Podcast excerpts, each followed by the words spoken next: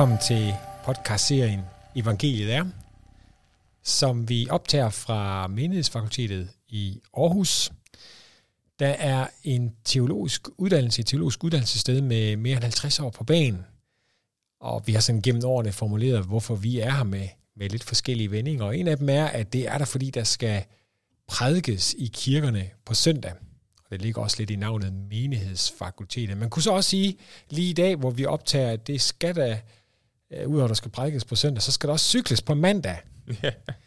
Vi har jo en uh, sag her på menighedsfakultetet, som er båret af folk, der ønsker at støtte det. Det er 100% privat finansieret. Derfor så har vi et cykelsponsorløb på mandag. Og der har min medvært og jeg haft en, uh, en lille sjov maxpuls øvelse på Facebook. Min medvært herover for mig er Kasper Berghold, som mm. er en uh, utrolig dygtig studerende, der har fungeret som forskningsassistent på det arbejde, jeg har lavet om at finde ud af, hvad evangeliet er, som jo er baggrunden for det her. Men udover det, så er han altså også en dygtig cykelrytter. og hvad var det nu, din makspuls nåede op på til sidste års cykelsponsorløb? Ja, det var simpelthen op på 206 ja, slag i minuttet. Der, der, der burde man jo være faldet død om. Ja. jeg tror ikke, jeg var ikke, jeg var kun lige oppe og snuse til 180. Ja. Så hvis den her podcast serie den ender med tredje afsnit her, så ved jeg altså, hvorfor kommer der en fjerde, så vi begge to overlevet på mandag. Ja, men ellers, udover det, så er det jo altså meningen, at vi vil øh, gå videre i, i det, som vi annoncerede sidste gang under overskriften af en evangelisk skattejagt. Ja, og, og i sidste gang, der skitserede du de problemer, som er årsag til, at vi overhovedet snakker om det her. Øh, og, og der var ligesom tre problemer, altså, øh, og nu kan det være, at jeg ikke lige siger det i den rækkefølge, du sagde det, men der er et spørgsmål om, øh, øh, hvad evangeliet var uden for Markus' verden. Altså, hvad var evangeliet i den græsk-romerske verden? Fordi det var et ord, der blev brugt, eller hvad var evangelierne, skal man måske sige. Øh, hvad var det for nogle gode nyheder, som, som folk kendte til ind i den verden, hvor Markus han så skrev om nogle gode nyheder også. Og, og så er der et, et spørgsmål om, øh, hvordan Jesus forholder sig til evangeliet. Altså, er Jesus den, der bringer evangeliet, eller er Jesus indholdet af evangeliet? Mm. Og så er der det tredje spørgsmål om, korset, altså Jesu død, er det en del af evangeliet? Og ja. hvis det er, hvordan er det så? Mm. Er det ikke sådan... Øh... Jo, det, det er rigtig godt. Ja. Og hvad, øh, hvad er det så, vi skal i dag? Jamen, altså, der skal vi egentlig på en utrolig spændende øh, jagt, og vi kunne så kalde det skattejagt. Jeg har selv en, en søn, der fylder 10. Jeg skal hjem og fejre i eftermiddag, og det er stadigvæk i alderen for skattejagter. Mm. Og øh, altså for at bringe os selv det sted hen, så godt som vi nu kan, hvor de første tilhører til oplæsningen af Markus Evangelium var, så skal vi prøve at se, øh, hvad, hvad vi har, før vi får Markus Evangeliet, af tekster, som benytter det her ord. Og det er der, altså udover det er spændende i sig selv, nogen skal sige lidt nørdet og så videre, og sidde og glo i gamle tekster, så er der jo så rent faktisk den pointe i det ud fra Markus selv, at det er det, han gør. Lige efter han har sit indledende vers, som jo altså kun er i Markus evangeliet, og som gør, at vi har noget, vi kalder for evangelier, nemlig begyndelsen på evangeliet om øh, Jesus Kristus, Guds søn, så siger han, som der står skrevet hos profeten Esajas. Så Markus ser altså en linje til noget, der var tidligere, noget, der mm. var i mm. spil. Og det er så det, vi gør. Vi øh, prøver at tage på sådan en rejse, og så vidt det er muligt, øh, indkranse mere eller mindre alle de steder, hvor øh, vi har evangelieordet i spil. Og i dag, der starter vi så med græske og romerske tekster, altså øh, tekster, der ligger uden for vores øh, bibelske tradition. Næste gang går vi så til det gamle testamente. Mm. Og man kan sige, altså, altså det der, altså bare lige for at give en, en heads up, eller en teaser her, øh, som man ikke allerede slukker af nu, ikke også? Altså så det, det der faktisk er overraskende og super interessant, det er, at evangelieordet var i spil i Markus' samtid på en måde, som det ikke vil være i spil i dag, som det ikke er i spil på i dag i en ikke-kirkelig tradition. Det jo simpelthen mm. ikke et kirkeord på samme måde, som det er for os i dag. Det var ikke et lukket ord. Altså det blev brugt øh, i den romerske verden i et eller andet omfang til at beskrive noget. Mm. Der er en forsker, der ligefrem har kaldt det sådan street language, altså slang af en art, okay. øh, som man kunne, man kunne sige noget med. Ja. Og det skal vi altså finde ud af, hvad evangeliet betød på den græske og den romerske gade, når man talte om evangelier.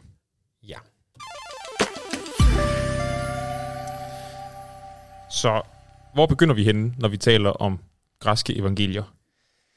Jamen, jeg har egentlig lyst til, at vi skulle begynde i en, øh, en liggestol, en solstol, ved en strand op omkring Filippi i Grækenland, hvor jeg var på besøg for nogle år siden med familien, og øh, jeg tror nok, at der var, der var fri isbar, fordi at øh, jeg skulle ligge der i solstolen og læse Homers Iliaden, som er sådan et gammelt skrift, der beskriver øh, den græske kultur, og dermed også den græske forståelse af verden. Mm. Øh, nogen har kaldt, kaldt det for den græske bibel. Det er det her skrift, der handler om, øh, om Trojas indtagelse og fald. Og der får man en fornemmelse af, at den ånd, som drev grækerne, mere end noget andet var en kampånd. Det har man også kaldt det i forskningen, altså grækernes øh, agonistiske kampånd, hvor agonistisk kommer fra det græske ord for at lide og kæmpe og mm. stride. Så man, man var virkelig sådan voldsomt opsat på at vinde ære. Mm. Og det er ind i den verden, at vi finder evangelieordet. Ja, og hvordan hænger det sammen? Altså- Jamen, det sjove er, at de ældste brug, vi har ordet uden for øh, det gamle testamente, det er faktisk fra Homer, mm. fra den her kamp her, hvor den store sejr, han bruger det godt nok kun to gange i, i hele hans store epos der, men den store sejr, da den bliver annonceret, øh, da en af dem kommer hjem, øh, nemlig Odysseus, så bruger han evangelieordet. Mm. Så vi, vi, vi skal sådan set begynde der, hvor evangelieordet øh, har sin, sin rod, nemlig i de, øh, i de græske i den græske kamp for ære, i den græske optagelse for, øh, for sejr. Og så er det altså ikke et ord, det kan vi også godt sige til indledning, det er ikke et ord, som bruges ret meget. Hvis, det er lidt svært helt præcis at gøre op, øh, hvor mange det er, men det, det, jeg har talt det op til 102. Ja. Så 102 steder forud for Nye Testamente, hvor efter det så i græske tekster eksploderer, mm. fordi at Nye Testamente afskrives og findes i, ja. uh, i, i, i flere tusind eksemplarer. 102 gange i alle de græske tekster, vi kender ja. fra før Nye Testamente? Ja, okay. og det er altså virkelig, virkelig lidt. Ja. Altså andre ord for at annoncere noget uh, har vi i 10.000 vis. Så i udgangspunktet er det et ord, som er der, men det er et reserveret ord, uh, som dermed uh, også har noget epokegørende over sig. Altså det bruges i situationer, hvor der virkelig er noget på spil. Mm. Altså hvor der virkelig sker noget af det, vi, vi kommer så lidt, til det, øh, lidt mere til det lige om lidt. Men jeg har lige lyst inde der og, og sige, at der er en, øh, en, øh, en gammel øh, forsker fra 1700-tallet, som sad før der var noget, der hed computer. I dag der har alle de græske tekster, de er læst ind mm. i en computer, så man kan søge på tingene. Så vi har det simpelthen så nemt også, der, der gider sidde og støve de der ting. Hvorimod i gamle dage, der måtte man bladre dem igennem, ja. eller så vidt som muligt lære dem uden ad, fordi ellers var det jo ikke til at overskue. Og mm. det gjorde de så, øh, og læste store dele af det her græske korpus igennem, og så skrev de så, hvad de vil sige om dem på latin. Og der var sådan en fyr ved navn Matthew Poole, som lavede en tredeling af den måde, hvorpå øh, evangelieordet bruges i de græske tekster, mm. som egentlig fungerer rigtig godt, også med den viden, vi har i dag. Så først og fremmest er, når man brugte det her evangelieord, så gjorde man det ind i krigssituationen for at annoncere en sejr. Så når man har vundet en sejr, så kunne man udråbe et evangelium. Øh, afledt fra det, så kan evangelium også betyde den løn, man får for at komme med det. Mm. Altså et sejrsbudskab er så værdifuldt, at den, der løber fra slagmarken tilbage til dem, der er belejret derfra, hvor herren er udgået, de er faktisk villige til at betale for det. Så det kan betyde budskabsløn for det andet. Og så for det tredje, så er der en tendens til, at det sker ofte det i, i vores tekster, at når man har vundet en sådan stor sejr, så vil man holde en fest. Mm. Så skal man sige tak for dem, sige ja. tak for guderne, og der kan man så ofre evangelier, så evangelier bliver det, som man, man tilbyder guderne. Mm. Så altså selve sejrsbudskabet, lønnen for at, at bringe sejrsbudskabet, og så de efterfølgende tempeloffre. Ja. Og det skal vi altså se nogle eksempler på, hvordan det så kunne se ud. Ja. Og hvor øh, begynder vi henne? Vi kan begynde med at male et billede, det, det, det er altid godt, når vi ellers har så mange ord øh, at, at sige. Ikke? Så hvis nu vi ser sådan et, et, et billede for os, et lærred, så i den ene side af billedet, der har vi en by, som er næsten affolket, men der er nogle mennesker tilbage derinde, og det viser sig, at det er alle dem, der ikke kan bære et svær. Mm. Fordi byen er nemlig under belejring, og der er kommet en fremmed her, så i den anden side af billedet, der har vi to herrer, der er stillet op over for hinanden, og alle de mænd unge mænd som ældre mænd, der kunne bære et svær at vandre ud af byen for at stille sig op over for den fremmede her. Og tilbage mm. i byen har vi nu kun øh, dem, som ikke kan bære et svær, det vil sige for unge drenge og for gamle mænd, det vil sige kvinder, øh, folk med handicap og, og så videre. Mm. Øhm, og så sker der så det, på den ene, i den ene side af billedet her, de to herrer, de, de clasher med hinanden. Og det næste, der kommer til at ske i billedet, øh, det er lige ved, at det bliver til en film nu, okay. det vil få epokegørende indflydelse for byen. Mm. Der kan ske et af to. Der kan ske det, at den fremmede her vinder, så er det den, der kommer marcherende tilbage til byen, slår porten ind, røver, hvad der er af rigdom i byen, brænder det af, der ikke har nogen værdi, øh, voldtager kvinderne, sælger øh, de unge drenge som slaver og kvinderne med, hvis de har nogen værdi, og ellers efterlader en ruinhåb. Mm. Så altså, det vil være en epokegørende ødelæggelse. Mm. Det, som de håber på inde i byen, det er noget andet vil ske. Nemlig, at der frem for at komme en fremmed herrende marcherende hen over billedet, kommer en hurtig løber. Et, et ildbud, et postbud, et evangeliebud. Mm. Og det er præcis der, vi finder evangelieordet brugt i sin grundform i de græske tekster. Altså den løber, som kommer ud fra slaget tilbage til byen, han kaldes for en evangeliebudbringer. Mm. Fuldstændig ligesom i, i maratonslaget, hvor vi har vores maraton løb fra, fra maraton ind til Athen, de her 42 kilometer. Det var en evangeliebud, som øh, bragte det epokegørende budskab om, at det ikke er mørke, der vender, men det er lys og ny begyndelse. Mm. Okay, så, så budbringeren, der bringer et godt budskab, ja. det giver mening, at det er et evangelium, et godt budskab, ja. om at man ikke bliver, øh, bliver nedbrændt af en fremmed her. Ja, og der er vi jo virkelig sådan en situation, ikke også? Altså, hvor der er et før og efter. Ja. Der begynder noget nyt. Ja. Og der er en... Øh, altså, og det findes der sådan nogle, hvad skal man sige, ægte eksempler på, både i aktuelle krige, men også i de græske tragedier, hvor der er fortalt, hvad der kan ske, og så bruges øh, evangelieordet der. Og så findes der også en, en ret morsom komedie, øh, som har en vits, der egentlig næsten fungerer til i dag. Jeg prøver, prøve, jeg prøve at genfortælle den her, og så skal vi se, om den fungerer. Så det er Aristofanes, der har, skrevet en, en komedie om, om ridderne.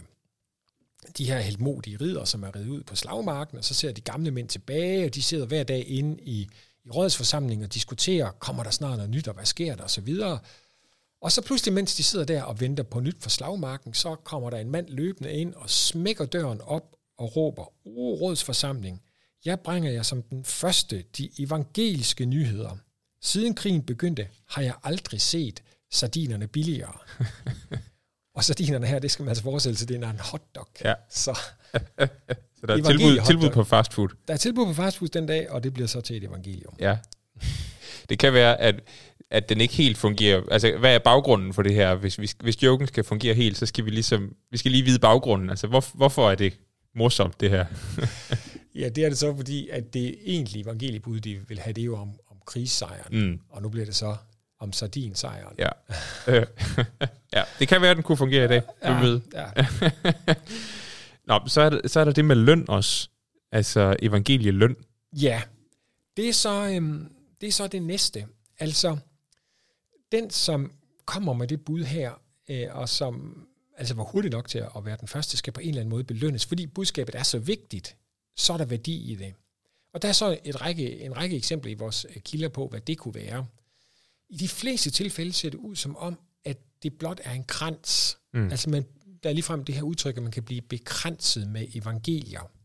Så ligesom man kunne vinde O eller få en krans, så kunne man også få en evangeliekrans. Simpelthen en, en laverbærkrans eller sådan noget. Simpelthen en art, øh, man, man gik rundt med. Ja. Andre gange så er der så pengebeløb på spil. I, øh, i krigsbyen Sparta, der fik man en klump kød, ja. som man øh, kunne gå hjem med. Så er der også et enkelt, øh, det er så ikke, ikke morsomt, men hvis, og hvis der er noget, så er det tragikomisk eksempel på, øh, hvad den her jagt på for, for pengene i det kunne betyde. Så der er, der er et enkelt eksempel på, hvor der er to, der spurgte afsted, øh, og den ene kommer så først, sådan er det ofte, og han får så evangelie førstepladsen, og den anden han får evangelie andenpladsen. Mm. Og det bliver han så utilfreds med, at uh, han klager sig så højt, at kongen bliver træt af ham, og så giver ham evangelie førstepladsen på den måde, han hælder flydende bronze ind i øret på ham. Okay. Så det var lønnen, men den kom så til at varme hjernen i stedet ja, okay. for penge på den. Mm.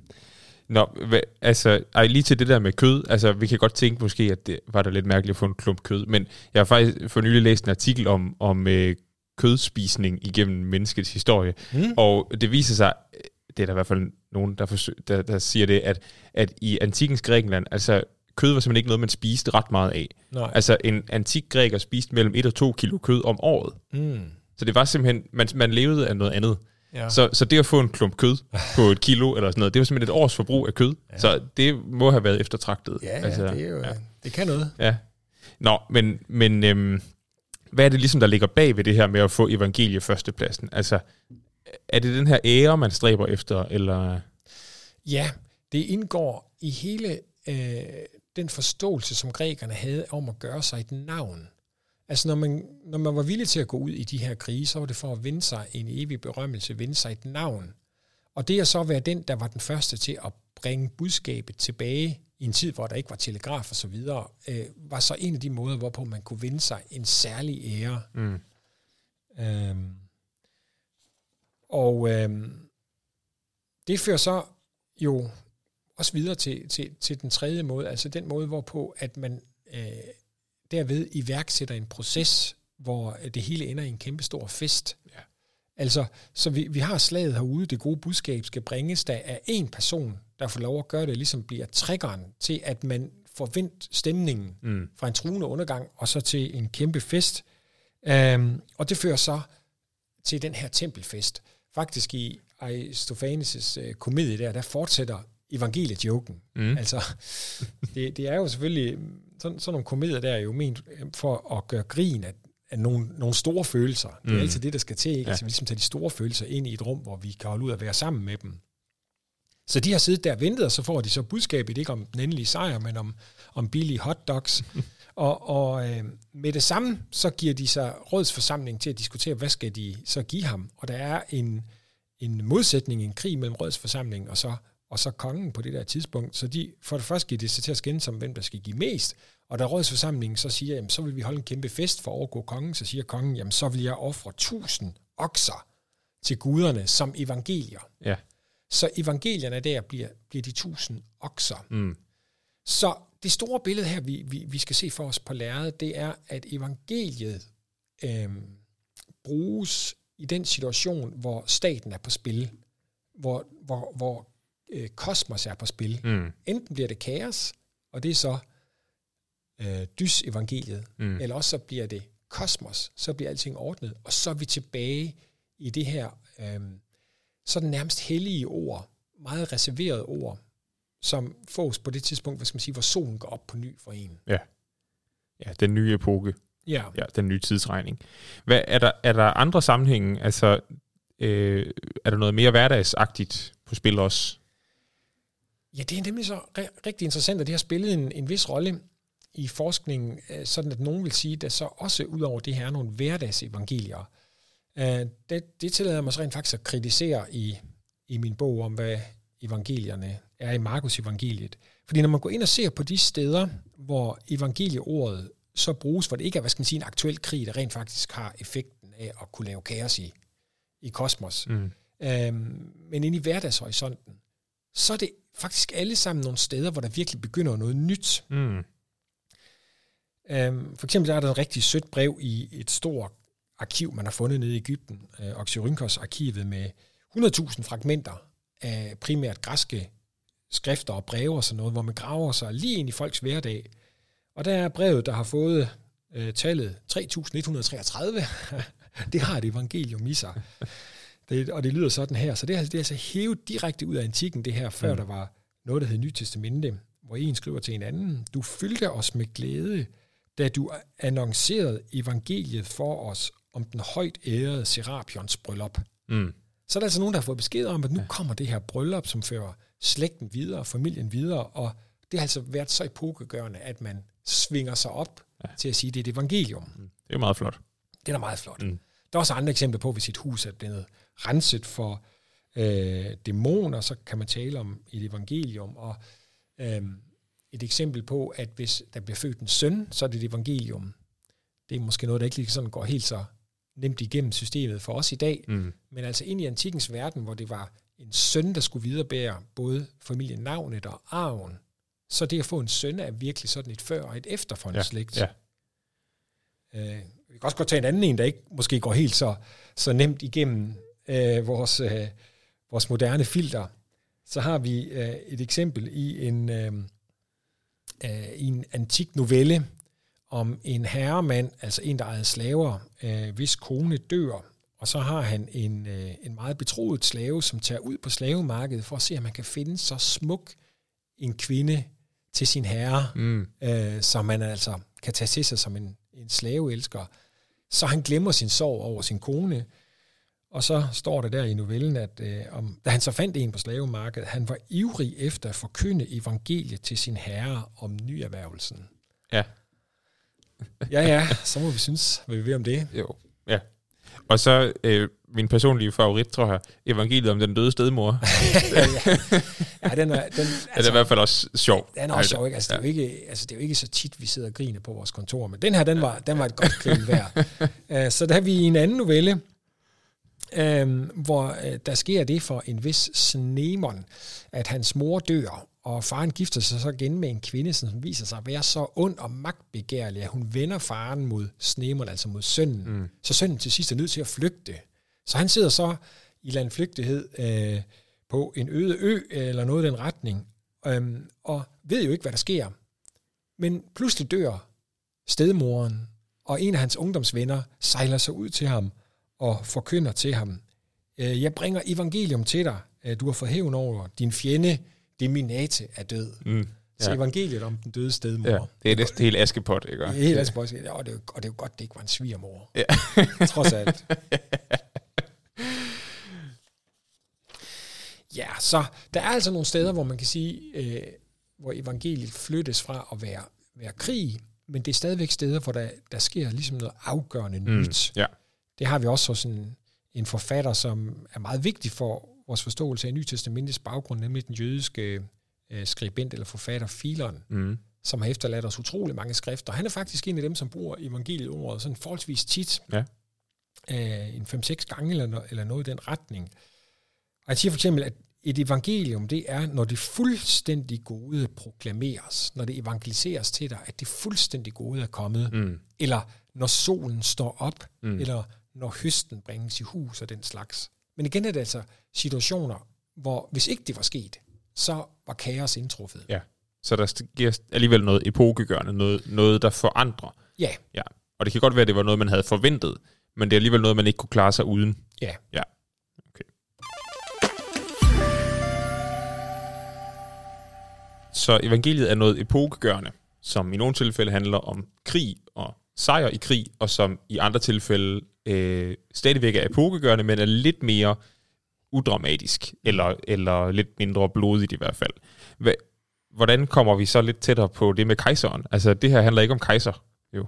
Nej, men man kan faktisk godt fornemme, hvordan at det er et ord, som nærmest er designet til det, de romerske kejsere vil. Mm. Uh, her skal vi have fat på en, en vigtig ting. Altså, en kejser slash en despot slash en ene hersker har jo kun sin magt, hvis folket accepterer det. Så ja. der er sådan en balance mellem, hvad skal man sige, en velvilje ved folket, og så en, en, en undertrykkelse, så ingen gider gå oprør, fordi prisen bliver for høj.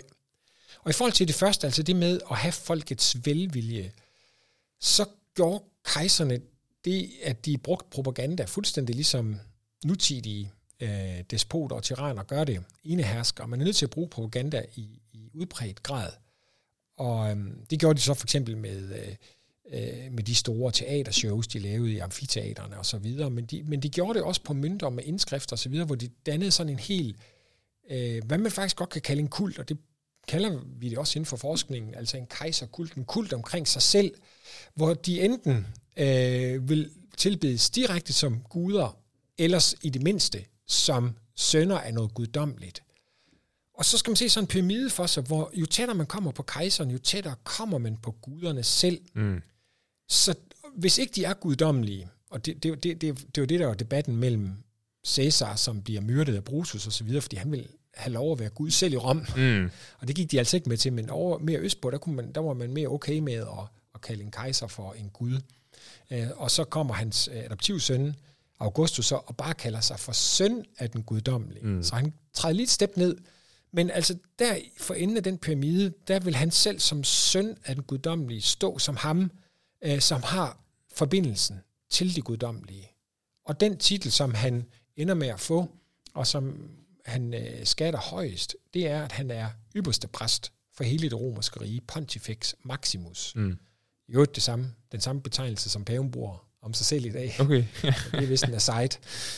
Og så en gang om året, så vil han lave en stor procession ude på krigsmarken, Marsmarken, hvor han havde bygget det store fredsalter Arapagis, som Mussolini og alle fik genrejst, og i dag står det nede i Rom i en fantastisk aircondition øh, bygning, ja. store vinduer, et enormt dejligt sted at besøge. Der kommer man ind og ser et, et, et stort, kæmpestort, i virkeligheden flot alver med friser hele vejen rundt, som dengang fungerede i samsvar med en, en obelisk, som Augustus havde stjålet og fået skibet fra Ægypten, og så op til Marsmarken, og sat op på en måde, altså en kæmpe, kæmpe høj obelisk, sådan en, som man også ser på Concordepladsen i Paris. Mm. De, de stjal, det var Napoleon, der stjal en. Så de er sådan lidt rundt omkring. Jeg mener også, at der er en i London.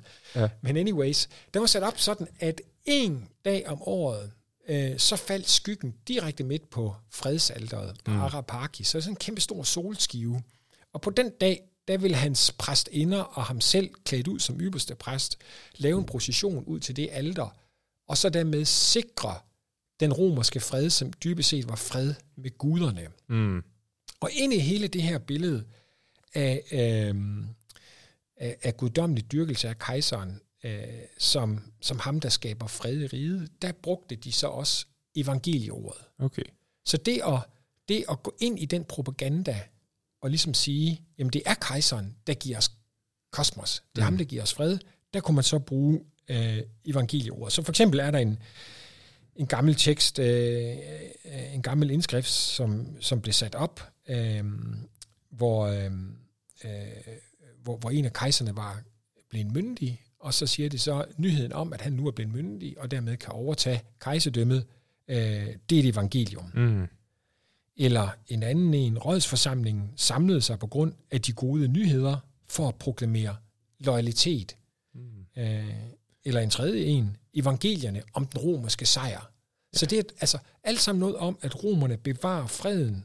Øh, det er et evangelium. Mm. At romerne sikrer, at, altså, at, at det romerne gør, det den romerske kejser gør, er noget epokegørende, fordi det ligesom sikrer altings opretholdelse. Ja, ja. og dermed sammenblandingen af politik og religion. Ja, for det er jo meget politisk, det her. Det er meget politisk, men det er meget religiøst samtidig. Ja. Fordi at romerne øh, de, de, de romerske kejser i, i kejserdynastierne, først i julianske og så det vespasianske, gjorde alt, hvad de kunne for at sige, at det her det er ikke bare en fred, vi har, fordi vi har krigsmaskiner. Det er en fred, vi har, fordi guderne har flyttet faklen. Mm. De har flyttet den fra grækerne til os. Mm. Nu er det os, der er de begunstigede. Ja. Og der har vi jo så den allervigtigste skribent rundt omkring Ny Testamentet, nemlig jøden Josefus, som var en del af, af, af, af, af den store krig mod, mod Rom, krigen fra 66 til 70, hvor han var general, men som så går over til, til romerne. Øh, vi har talt om ham tidligere. Han har så efterladt os, efter han går over til romerne, øh, med fire store værker, som beskriver alt muligt. Mm. Både den konkrete krig, men også hvordan man tænkte som jøde, i hvert fald sådan som han tænkte, og hvordan man tænkte i den romerske verden. Og der har vi øh, hos ham tre steder, hvor han fortæller om, hvad der skete, da Vespasian bliver udråbt som kejser. Der var en masse problemer, han skulle overtage for Neo, og der Øh, det hele var ved at bryde sammen. Altså Rom, der var faktisk et kæmpestort kaos i det romerske rige på det her tidspunkt. Øh, og med Nero, der dør Julius Caesars kejserdynasti, mm. og så kommer der et nyt et, nemlig øh, det flavianske med Vespasian i spidsen. Sådan en overgang. Og hvordan kan man gå fra, at Socialdemokraterne har magten, øh, til, hvem bliver det snart, Venstre får magten, ja. eller måske Moderaterne. Hvordan kan man begrunde den der overgang? Det kræver en religiøs iklædning. Mm. Og det køber Josefus ind på, og fortæller om, hvordan at da soldaterne erklærer deres general for kejser, selvom han ikke er af, Julius, øh, af det julianske dynasti, så proklameres der evangelier mm. i alle de byer, han kommer frem. Ja. Så i... Så anerkender folk det, den epokegørende overgang. Ja. ja. Så lige præcis i den periode, hvor, øh, hvor de hvor de første kristne menigheder øh, var ved at finde deres øh, fodfæster, hvor evangelierne skrives og så videre, der ifølge Josefus, der blev der altså udråbt evangelier, mm. om at det ikke går mod kaos og sammenbrud i den romerske verden, men en ny kejser, en, et nyt dynasti sætter sig mm. på tronen. Ja. Og det er interessant jo, fordi, fordi og det, kan vi, det vender vi jo helt sikkert tilbage til, hvad er så forholdet mellem Markus' evangelium og så de evangelier, som i nøjagtigt den samme tid bliver proklameret ja. i det romerske rige? Ja, ja, og det er jo lige nuagtigt her, den her evangeliske øh, sten, meteornedslaget i præene kommer ind.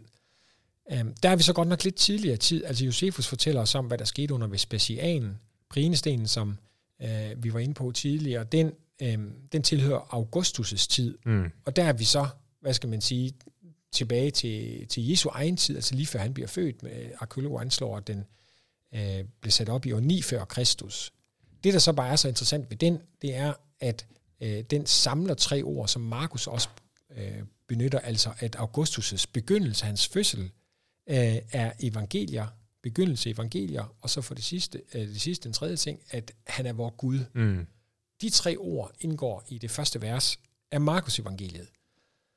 Og derfor så er det så en af de måder, hvorpå vi må sige, at gav vide, eller tænke, gav vide i hvilken forstand, at det var det, som de første læsere havde som ekorum, ja.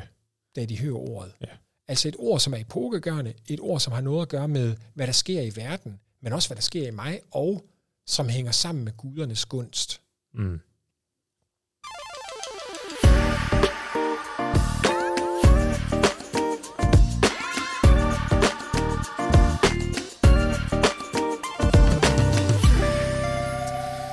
Så hvis vi lige skal opsummere det, vi har snakket om her, hvad, hvad er det store billede? Hvad er det? Hvordan blev evangeliet brugt i den græsk-romerske verden? I hvert fald øh, på tre måder, eller mm. der er i hvert fald tre ting, jeg synes, vi, vi, kan, vi kan opsummere det her i. Altså for det første, så er ordet særligt, det har virkelig sådan en aura over sig. Jeg er ked af at sige, at det, at det var et helligt ord, fordi det, det, det, det giver måske lidt forkerte mm. associationer. Så kommer det til at lyde som et kirkeord, og det var det ikke. Det var det ikke, nej. nej for det er, jo, det er jo så nemlig det andet, mm. at det er, hvad vi vil kalde politik og religion, i en stor pærvælling. Mm. Det hele er simpelthen øh, blandet sammen. Det er både et budskab om en konkret sejr, svarende til, hvis øh, Ukraine vinder over Rusland, øh, og så over til det, at man offrer til guderne som tak for den sejr. Og det hang altså sammen for ja. antikens folk. Politik og religion var et og det samme, fordi der var nærmest et... Den krig, som foregår på landjorden, den foregår også mellem guderne mm, i himlen, ja. så de hænger virkelig sammen. Og det tredje er så, at evangelierne er offentlige. Mm. Det er noget, der skal programmeres, det er noget, der skal sættes op i sten, så alle kan se det. Det var ikke et, et lukket ord, men det var et ord, som var i spil, fordi det afgør hele statens ved at vælge. Mm. Ja, okay. Så, så, og, og så er et andet ord, vi har snakket en del om, er det med det epokegørende. Mm. Altså, det, det er noget, som forandrer noget, ja. eller som i hvert fald, hvis ikke det havde været der, ville forandre noget. Ja. Ja, okay. Og det leverer jo så også, hvad skal man sige, altså på dørtrinet til, til det næste, vi, vi skal spørge og efter og, og se, om, om det er så. Nemlig, hvordan ser det så ud i det gamle testamente? Hvis ja. det her det er grækernes verden, når nu Markus jo siger, at vi skal kigge efter Isaias bogen, ser det så helt anderledes ud der, eller er det nogenlunde det samme? Ja. Og det kommer vi til næste gang.